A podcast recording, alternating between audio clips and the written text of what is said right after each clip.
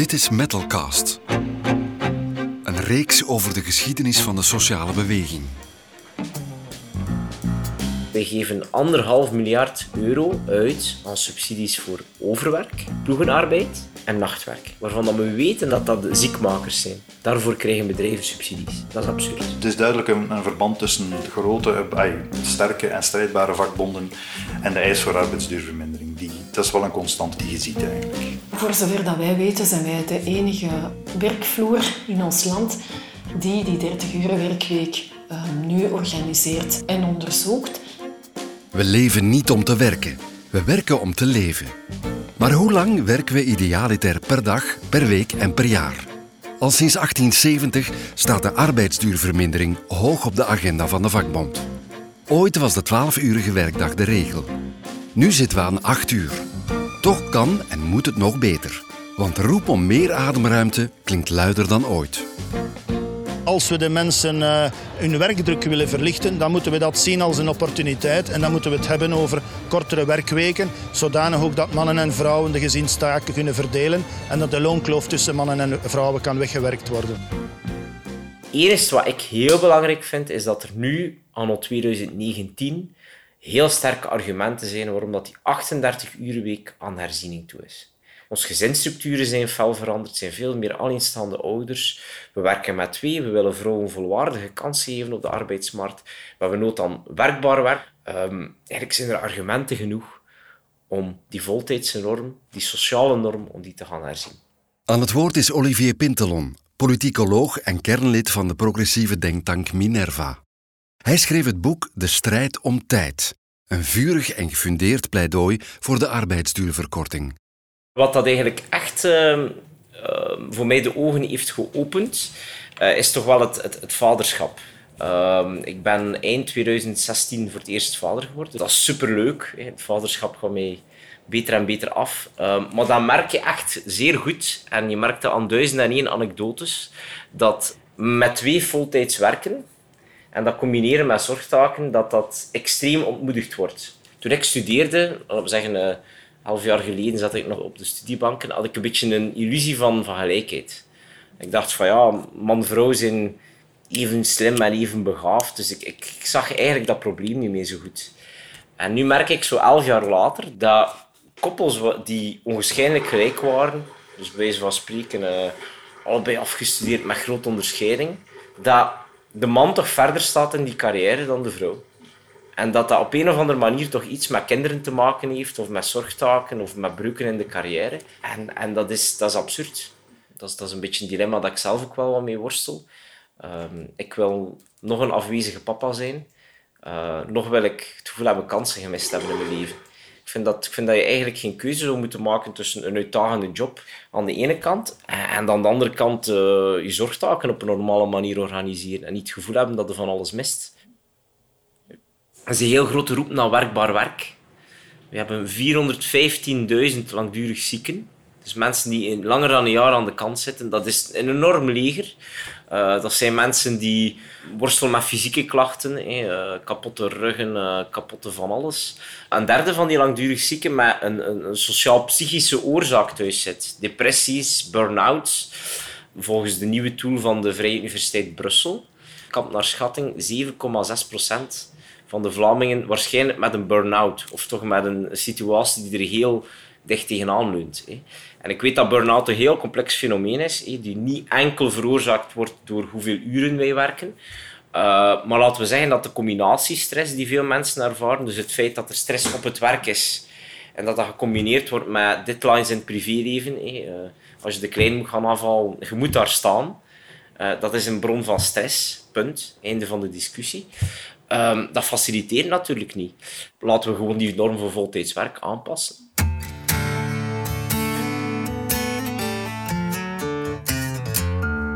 In de geschiedenis is er al heel wat strijd om tijd gestreden. Hoe evolueerde de eis voor arbeidsduurvermindering? We gingen langs bij Luc Peyre, projectmedewerker van AMSAP, het Instituut voor Sociale Geschiedenis, voor een reis door de tijd. De regel tijdens het Ancien Regime, of de periode voor de Franse Revolutie, Dan varieerde de arbeidsdag afhankelijk van de seizoen. Je had dus arbeidsdagen in de winter die, die 7,5 duurden en had arbeidsdagen in de zomer die dan tot 11 uur konden oplopen. En allicht had dat dus te maken met de lengte van de dagen. Maar de mensen waren toen wel veel vrijer en als, die, ja, als ze genoeg gewerkt hadden of genoeg geld verdiend hadden, ja, dan stopten ze gewoon een tijdje met werken. En dat is natuurlijk wel veranderd met de industriële revolutie eigenlijk. Het feit dat vastere werkdagen, begintijden, eindtijden, uh, middagpauzes en dergelijke meer waren en, langere arbeidsdagen kwamen, is een fenomeen dat, dat zich met industrialisering heeft doorgezet. Eind 18e eeuw, begin 19e eeuw ziet je die arbeidsethiek, of moet, dat is misschien een slecht woord, maar ziet je toch dat de druk um, om, om langere arbeidsdagen en meer effectief te werken, dat die heel sterker wordt. Dat is een proces dat ook samen met de mechanisering zijn intrede doet. Voor mannen als vrouwen als voor kinderen, daar werd totaal geen onderscheid in gemaakt. En dan zie je ook de eerste, de eerste strijd. Dat zijn de metaalbewerkers in, in de grootste steden in België, in Antwerpen, Gent, Brussel en Luik. Uh, die voeren dan een actie en die kunnen kortstondig uh, de tien uren dag realiseren. En daar zie je eigenlijk al het begin van de vermindering van de arbeidsduur, dat dat toch wel samengaat met het, het ontstaan eigenlijk van syndicalisme. Dus als er vakbonden zijn en die vakbonden spelen in op de eis van arbeidsduurvermindering, dan wordt die meestal ook wel gerealiseerd. Dat was toen in de tijden van de Eerste Internationale. Dat was een, een internationaal werkliedverbond van arbeidsorganisaties in verschillende landen. Maar dat verbond is in 1872 over kop gegaan. En dan zie je dan ook meteen dat die vakbonden ontbonden worden en dat die arbeidsdag terug, terug naar 12 uur begint te gaan. Op het einde van de 19e eeuw werd er een parlementaire enquête gehouden naar de toestand in de fabrieken. Door de bezoeken van die enquêtecommissie kwamen heel wat wantoestanden aan het licht. In 1886 was er een enquêtecommissie. Um, die was geïnstalleerd, je kent dat misschien van de film van Daans, die enquêtecommissie die in de fabriek gaat kijken of alles, uh, of alles wel kosher verloopt. Maar um, die is opgericht na een zeer bloedige algemene staking in Wallonië, waar toch wel een dertigtal mensen zijn uh, doodgeschoten. Die heeft in 1886 zelf uh, nagekeken wat dat de arbeidsduur was in de fabrieken toen. En dan zitten we eigenlijk nog altijd op een, op een ritme van 10, 11 uur, 12 uur soms effectieve arbeidstijd, tot 14 uur absolute arbeidstijd. Maar dat varieerde per sector. In de textielsector bijvoorbeeld was de absolute arbeidstijd 13 tot 14 uur. Terwijl in de mijnen was zwaardere arbeid was de, de absolute arbeidstijd 8 tot 11 uur. De belangrijkste mijlpaal voor de arbeidsduurvermindering komt er op 1 mei 1886 in de Verenigde Staten. Daar wordt een grote staking gehouden voor de 8-urendag. 340.000 arbeiders nemen eraan deel. Zo groeit de iconische eis 888. 8 uur werk, 8 uur slaap en 8 uur vrije tijd. Van daaruit begint, uh, begint eigenlijk die evolutie naar het stellen van de 8 urendag als de, als de belangrijkste eis voor 1 mei. En in België bijvoorbeeld uh, werd die gevraagd door César de Pape op het Internationaal Socialistisch Congres. Enfin, de eis wordt dus eerst gesteld in, in de Verenigde Staten en die wordt dan overgenomen door de socialistische beweging in België. Um, en die stelt dan wel voor dat haar, hun afgevaardigden op het Internationaal Arbeiderscongres van Parijs, en daar was het de bedoeling dat zij eigenlijk voor zouden stellen dat er een, een, een strijddag zou georganiseerd worden rond, uh, rond arbeidsduurvermindering, of de acht uur dag. Het is wet geworden in 1921. Maar je ziet wel tussen pakweg 1886 een evolutie naar de tien-urendag voor de Eerste Wereldoorlog. En dan ja, de, de, de Belgische socialistische beweging, de arbeidersbeweging en de vakbeweging spelen een belangrijke rol in de, in de Eerste Wereldoorlog. Zij steunen dus eigenlijk de Belgische regering in de strijd met de Duitsers, maar ze vragen wel iets in de plaats. En een van de belangrijkste eisen was de acht-urendag. Uh, die acht-urendag die, die zat ook eigenlijk vervat in het verdrag van Versailles, dus het vredesverdrag tussen de geallieerden en de Duitsers. Vanuit die optiek is ook de Internationale Arbeidsorganisatie, die legde veel nadruk op die, op die acht. Maar ook daar, de werkgevers waren daar echt niet, niet tevreden mee. En uh, zij deden er eigenlijk alles aan om die wet ondergraven. Door overuren in te roepen, uh, door te vragen of, of de arbeidsduur jaarlijks kon bekeken worden in plaats van dagelijks bekeken worden. Iets, ja, iets wat we vandaag eigenlijk terugzien met de annualisering van de, de arbeidsduur.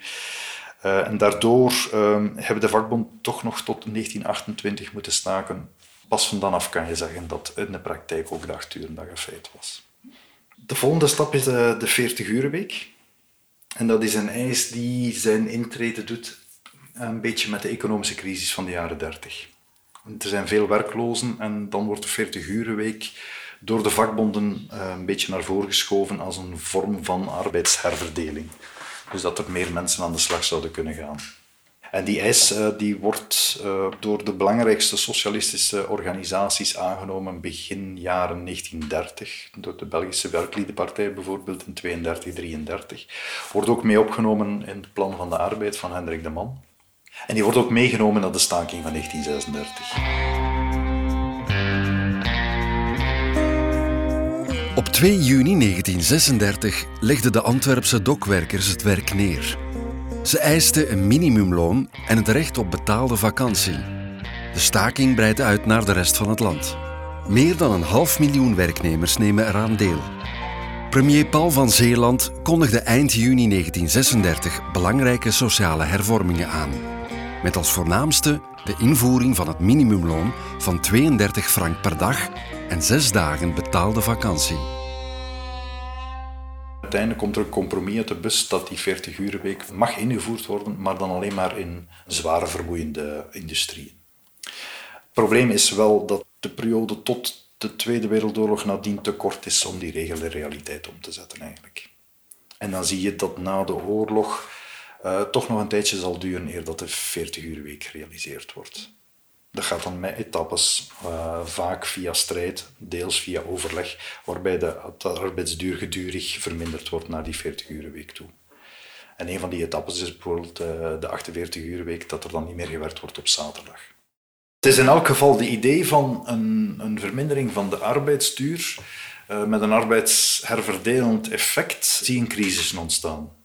Maar de, de eigenlijke, de finale realisatie gebeurt meestal op een moment uh, in, in, een opgaande fase van de economie, omdat dan de strijdbaarheid van de arbeiders ook aangewakkerd wordt eigenlijk. De 38-urenweek, die eisen zich ook begint te stellen met, met de, de economische crisis van, uh, van 1974, de oliecrisis, die ook opnieuw voor werkloosheid gezorgd heeft. En ook daar was de idee weer van, ja, we kunnen misschien beschikbaar arbeid herverdelen over een grote groep van mensen. En die eis is eigenlijk gesteld begin tweede helft van de jaren 1970. En die is al bij al, eigenlijk de 38 uur week, is, vrij snel toch wel uh, gerealiseerd. In de metaalsector bijvoorbeeld in 1978, de petroleumsector in 1979.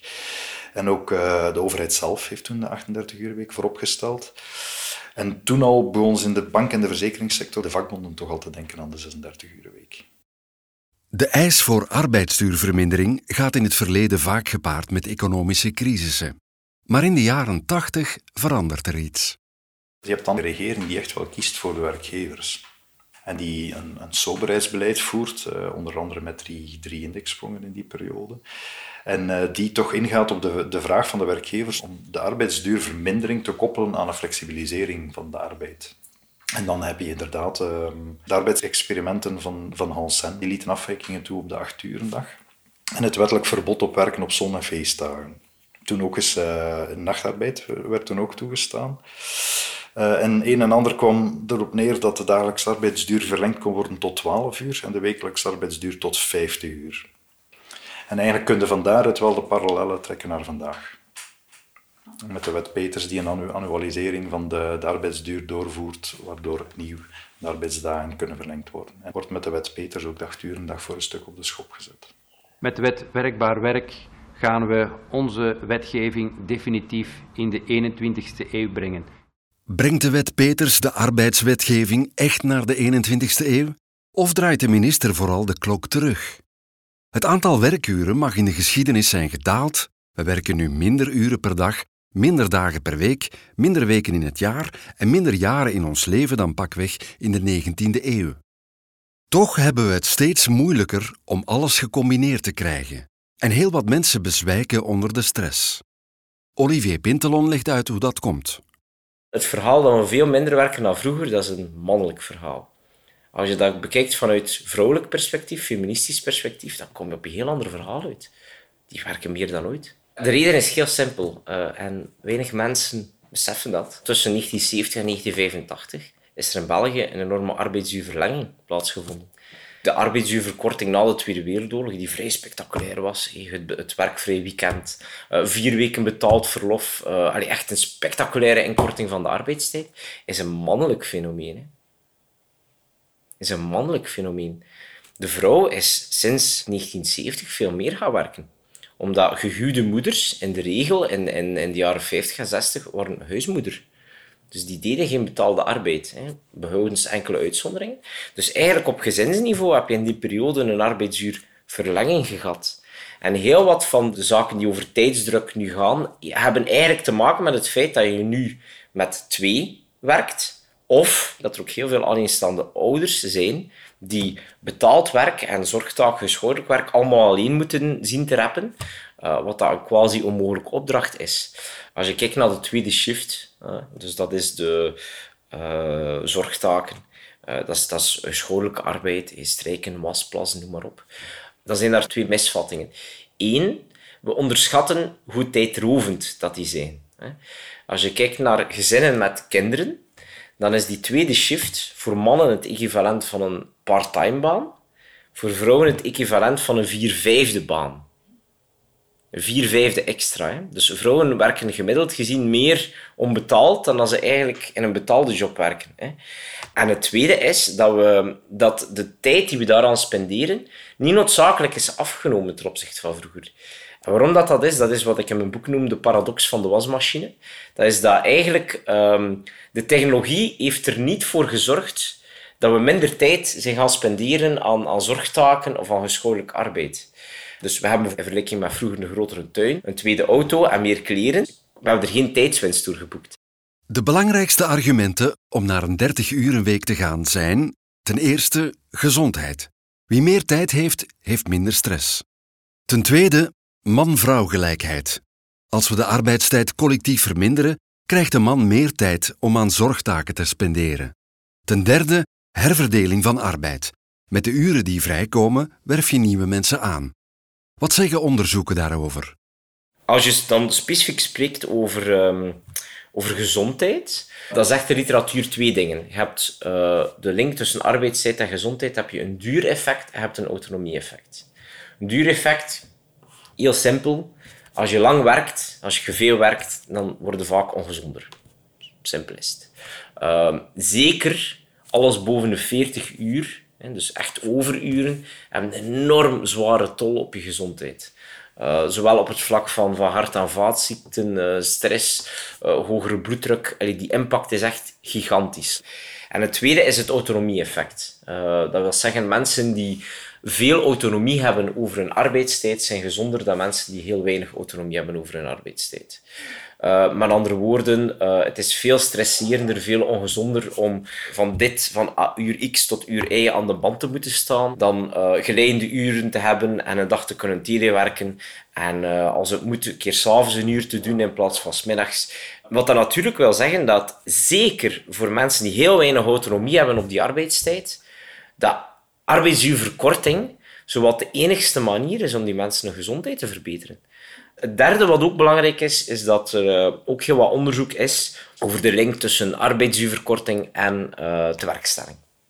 De literatuur zegt dat uh, arbeidsuurverkorting tewerkstelling kan stimuleren als er aan specifieke randvoorwaarden voldaan is. Stel dat je zou gaan van 38 naar 30 uur, uh, en zou dat bijvoorbeeld doen voor de economie, dan natuurlijk niet automatisch alle bedrijven die acht uur door nieuwe aanwerving gaan, gaan, uh, gaan invullen. Ze gaan een, proportie, een stuk daarvan gaan herbezetten. En volgens een aantal theoretische schattingen, ook volgens buitenlandse ervaringen, zit dat gemiddeld gezien rond de 40 procent. Uh, wat gebeurt dan met die andere percentage? Dat gaan bijvoorbeeld zijn jobs die door machines worden overgenomen, allee, een andere werkorganisaties, efficiënter werken, noem maar op.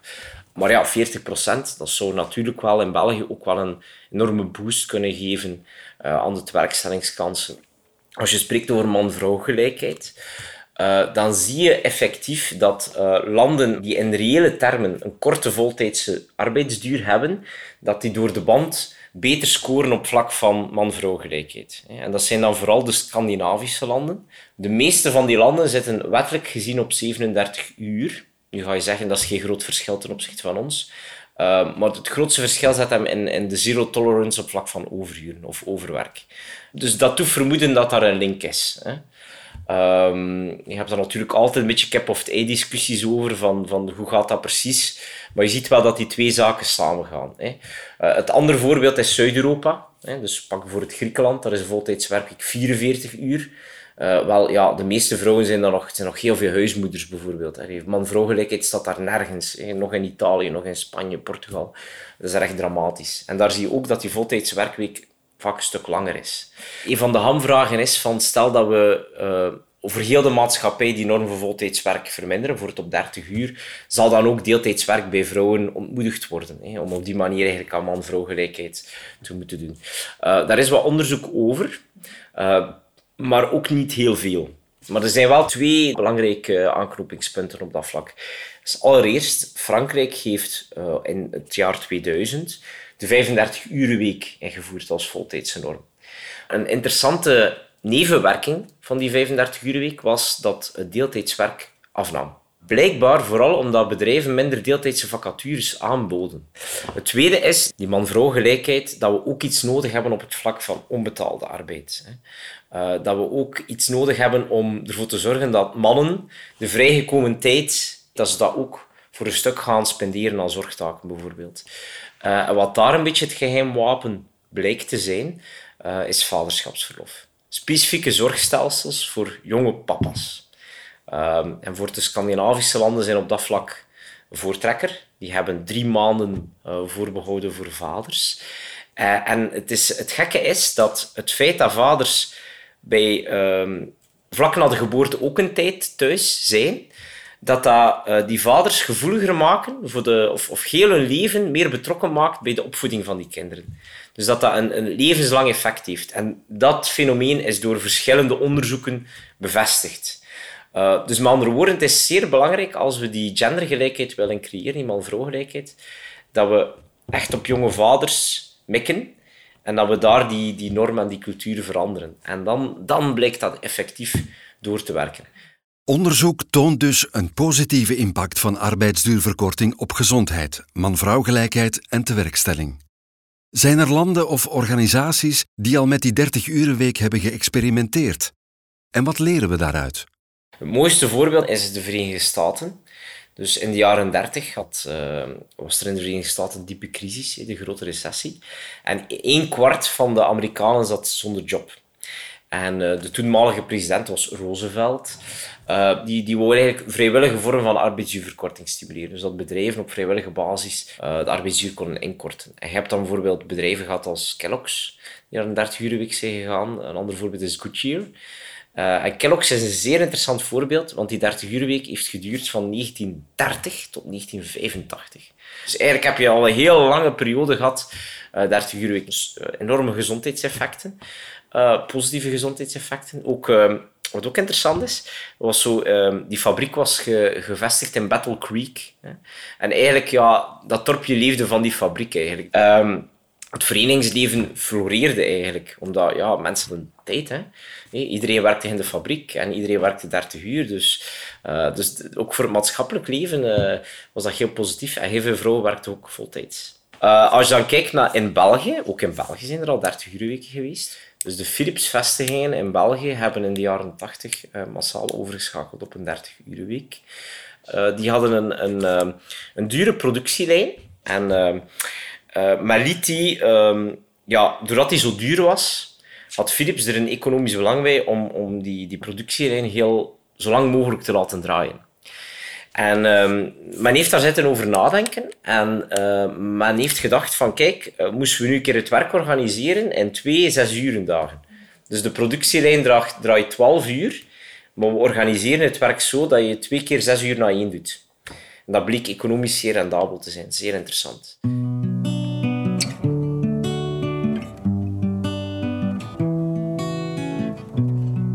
Ook FEMA experimenteert met arbeidsduurverkorting.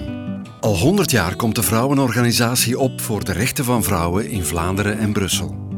Een belangrijk domein is arbeid, zowel betaald als onbetaald. Een jaar lang, van 1 januari tot 31 december 2019, werken zij als experiment 30 uur per week. Projectmedewerker Ilse de Voogd legt uit hoe het experiment van arbeidsduurvermindering tot stand kwam. Vijf jaar geleden waren het verkiezingen en uh, klassiek schrijf je dan een memorandum over verschillende thema's die je aanbelangen. En wij merkten dat die memoranda niet meer gelezen werden. Dat we daar weinig impact mee creëerden. En we dachten, laat ons nu eens een thema kiezen waar we één thema waar we in de diepte mee kunnen werken. En vermits wij al honderd jaar werken met vrouwen en het thema arbeid bij ons heel aanwezig is, hebben wij besloten om te werken rond de combinatie van arbeid en gezin. Heel veel gezinnen hebben het moeilijk om werk en gezin gecombineerd te krijgen. De ene heeft het daar veel moeilijker mee dan de andere. Denk maar alleenstaande ouders bijvoorbeeld. Maar ook als je ja, voltijds moet werken om je huis te kunnen afbetalen. Of in een fabriek werkt en dus niet kunt telewerken. Voor de ene is het duidelijk veel moeilijker ook als voor de andere. Maar we moeten daarover een deftig maatschappelijk debat krijgen, want wij vinden dat in onze samenleving iedereen recht heeft op kwaliteitsvol combineren van, van werk en gezin. We hebben in het beleidsplan geschreven, vier jaar geleden, practice what you preach. We gaan zelf een keer de kortere werkweek onderzoeken. Hè. En hoe begin je daaraan? Uh, ja, met een stuurgroep op te richten en dan na te denken over hoe moeten we dat hier op een goede manier rondkrijgen. We moeten een goed onderzoeksopzet hebben. We moeten de financiering rondkrijgen, we moeten draagvlak creëren en we moeten het hier goed georganiseerd krijgen. We zijn onder andere met een Erasmusbeurs naar het buitenland gegaan om daar praktijken te gaan bekijken. We zijn gaan praten met een consultancybedrijf die de zes uur werkdag hanteren al een aantal jaren. Dus dat was een leerrijke case. We hebben ook gepraat met een politicus die in Göteborg ervoor gezorgd heeft dat er in een rusthuis gedurende twee jaar een zes uur werkdag kon worden ingevoerd en zij hebben daarvan ook de effecten gemeten. Die politicus is Daniel Bernmar, schepen van Göteborg. Hij schroefde de werktijd van de zorgkundige in een woonzorgcentrum terug tot 30 uur per week voor een voltijdsloon en dat gedurende 23 maanden. Voor de uren die wegvielen werden nieuwe medewerkers aangeworven. Filmmaker Ben de Raas interviewde hem in opdracht van Hart boven Hart. Ook Olivier Pintelon sprak met hem over het experiment.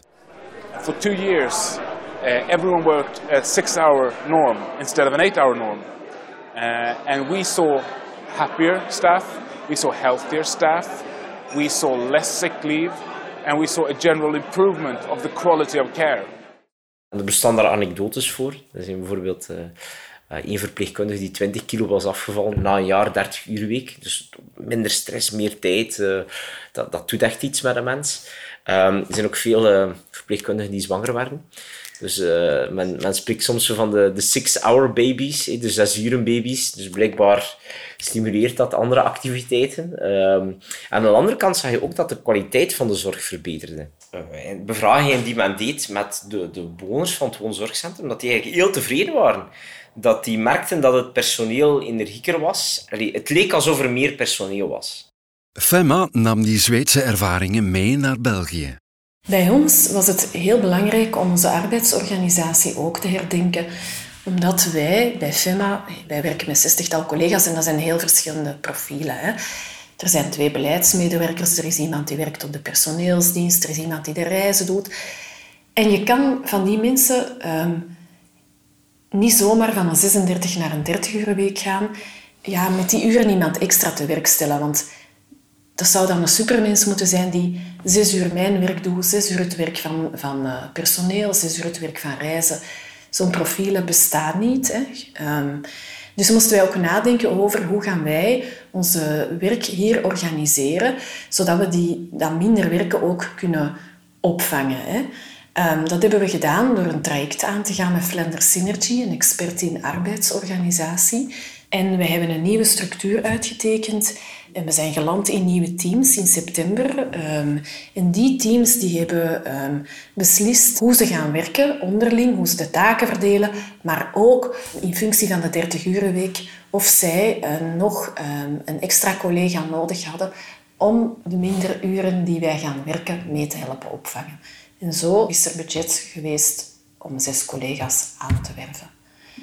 Onze raad van bestuur heeft uitdrukkelijk het project goedgekeurd met de boodschap dit mag geen project zijn dat alleen de effecten meet op de werkvloer. Dit project moet nagaan wat minder werken betekent op het leven van mensen en hun tijdsbesteding. En daarom zijn wij in zee gegaan met de Vrije Universiteit Brussel, omdat die onze tijdsbesteding in kaart brengen. En we zijn ook in zee gegaan met het onderzoekscentrum Kind en Samenleving, omdat wij de, het perspectief van onze kinderen mee wilden nemen. Omdat het kindperspectief in heel veel onderzoeken gewoon niet meegenomen wordt. De manier waarop ehm, ik het nu doe, mijn 30 uur week, ik doe het in 6 uur per dag. Ehm, ik heb daar bewust voor gekozen om uh, meer lucht te hebben in elke werkdag die ik heb. Um, om ook op tijd aan de schoolpoort te kunnen staan. Ja, ik heb geen zicht op de tijdsbesteding van alle collega's. Hè. Er zijn collega's die uh, cursus zijn begonnen. Er zijn collega's die heel blij zijn gewoon om uh, meer ruimte te krijgen voor hun gezin. Um, die zeggen van, oh, de woensdagnamiddag is er nu, ben ik er nu echt voor mijn kinderen. Er zijn collega's die ook mantelzorgen hè, voor hun ouders of voor een partner die ziek is. En die lopen dan minder gestresseerd rond.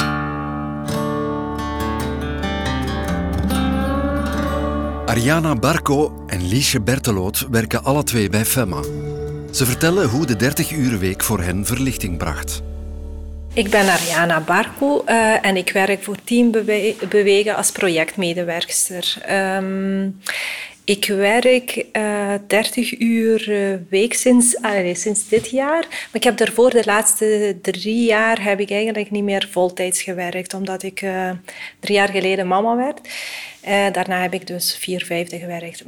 Maar ik besef nu um, dat ik ehm, eigenlijk nooit wil meer dan 30 uur werken. Dat dit het maximum is. Ik vind het zelfs voor mezelf een beetje te veel. Wat het ook fijn hieraan is, aan 30 uur een week, uh, voor mij, om de, omwille van de migratiegeschiedenis, ben ik later aan mijn loopbaan begonnen. En ik vind het heel belangrijk dat ik uh, ja, mijn sociale rechten en pensioenrechten blijf opbouwen en mijn werk en, en gezinsleven kan, kan combineren. De dagen dat ik thuis werk, werk ik maar zes uur. En dat is perfect binnen schooluren. Je hebt zelf nog wat schuifruimte binnen de schooluren. Um, en op die manier loopt mijn werk niet meer over in de tijd dat, mijn kinderen thuis zijn. En uh, je merkt dat zij dat ook heel plezant vinden. Dat dat veel ontspannender is. Dat je er met je aandacht bij bent als ze huiswerk maken. Dat je daar tijd voor maakt. Dat je niet ondertussen al met iets anders bezig bent. En uh, die, die rust dat dat brengt, is wel zalig. Naast FEMA zijn er op dit moment weinig andere organisaties of bedrijven die experimenteren met de 30-uren werkweek. Leeft het thema dan niet of is er meer aan de hand? Olivier Pintelon legt uit hoe het komt. Uh, nu botsen werkgevers of organisaties als FEMA op heel wat juridische, administratieve en financiële hindernissen. Uh, voor het juridisch van de belangrijkste hindernissen is de loonnormwet. Dus we hebben een wet in België die zegt dat de Belgische lonen niet vlugger mogen stijgen dan de lonen in onze buurlanden. Uh, nu, wat is het probleem? Dat arbeidsuurverkorting met loonbehoud verhoogt het uurloon.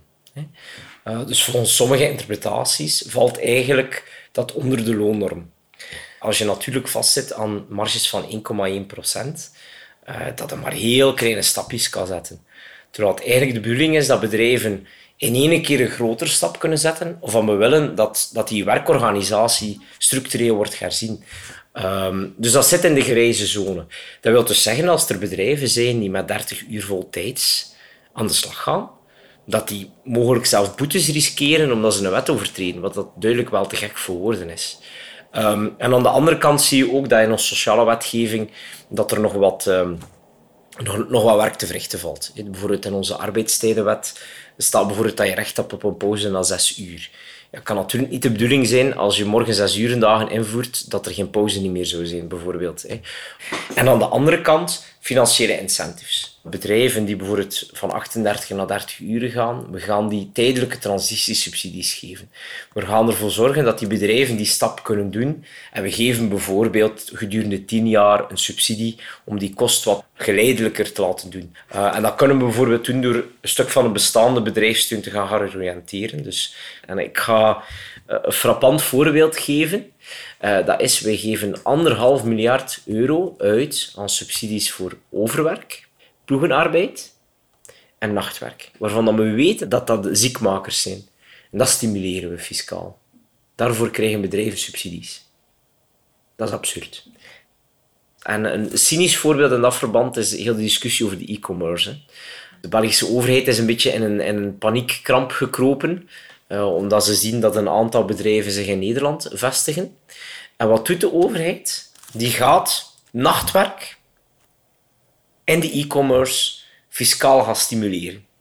Nachtwerk, waarvan we weten uit onderzoek dat het een enorme gezondheidsimpact heeft. Zowel qua slaapproblemen, uh, hartfalen, noem maar op. Dus het is zeer ongezond om dat op lange termijn te doen. En dat gaan wij gaan stimuleren. Dus blijkbaar vinden wij als samenleving het feit dat ons pakketje 12 uur besteld, morgenochtend geleverd, vinden wij blijkbaar belangrijker dan kankerpreventie. En ik denk dat we, laten we beginnen met die drie uh, subsidies, vormen, stromen, om die te gaan heroriënteren naar goede arbeidsvoorwaarden. Naar kortere werkweken met, met, met werkstelling. Omdat je op die manier in gezonde arbeidsvoorwaarden uh, investeert en ook aan de andere kant de werkstelling een duwtje terug kan geven. Volgens de Vlaamse Werkbaarheidsmonitor vindt 1 op de 8 werknemers het moeilijk om werk en gezin te combineren en kampt meer dan 1 op de 3 werknemers met een problematische werkdruk. De 30-urenweek is een manier om werk weer werkbaar te maken. Wie neemt de volgende stap? Welke sectoren lenen zich het best om arbeidsduurvermindering op korte termijn toe te passen? We hebben van in het begin gezegd, we doen dit voor één jaar. Hè, en dan trekken we daar onze lessen uit en hè, analyseren we de onderzoeksresultaten. Maar voor ons stopt het daar natuurlijk niet mee. Alleen hoeft FEMA de case niet meer te zijn. Wij vinden dat er heel veel praktijkervaring moet worden opgedaan met de kortere werkweek, hè, omdat we dan een goed debat daarover kunnen voeren. En daarom zou het interessant zijn moest er ook in andere sectoren zo'n onderzoek kunnen worden opgezet. De grootste economische mogelijkheid zit ongetwijfeld in de industrie. En dat heeft er gewoon mee te maken dat de, de productiviteitsgroei in de industrie is veel groter dan in andere sectoren. Het is omdat eigenlijk, eigenlijk is dat machinewerk. Dus alles wat uh, voor de meeste industriële bedrijven is loonkost eigenlijk niet zo'n belangrijk facet. Dus als als het ergens economisch haalbaar is op een relatief korte termijn, dan is dat in de industriële sector. Waar de nood eh, zeer hoog is, denk ik, is, is eh, de zorg. Daar denk ik, is er een enorm probleem van werkbaarheid, een enorm probleem van, van burn-out ook. En daar moet er echt iets gebeuren. Ja, de angel is natuurlijk daar dat de overheid zal 80, 90 procent van die kost moeten gaan subsidiëren. En daar hoop ik dat de politiek de maatschappelijke prioriteiten goed stelt en investeert in die sector. En ja, dat zal geld kosten, dat, dat kan makkelijk een paar miljard euro zijn. Maar ik vind dat wel maatschappelijk gezien een kost die, die, uh, die te verantwoorden is. De econoom uh, Keynes, wat de grootste econoom was van de, van de 20e eeuw, die, die voorzag voor zijn kleinkinderen tegen 2030 de 15-urige werkweek. Ja, alles is mogelijk. Dat is gewoon waar, waar de maatschappij vindt dat de norm moet liggen. Wil je meer weten over werkbaar werk door arbeidsduurvermindering? Download het e-book op abvvmetaal.be. Beluister nog meer podcasts over de sociale geschiedenis via de rubriek Metalcast op onze website. Wij komen hier nu samen als tevoren. Het is tijd om onze stem te laten horen. Tegen diegenen die zich wanen op een troon. Die ons beroven van de waarde van ons loon. Die luizen in de pels van het gerecht. Want het gaat toch niet om wat een paar enkelingen wensen. En daarom komen wij op straat tot het gaat om het grotere belang van alle mensen.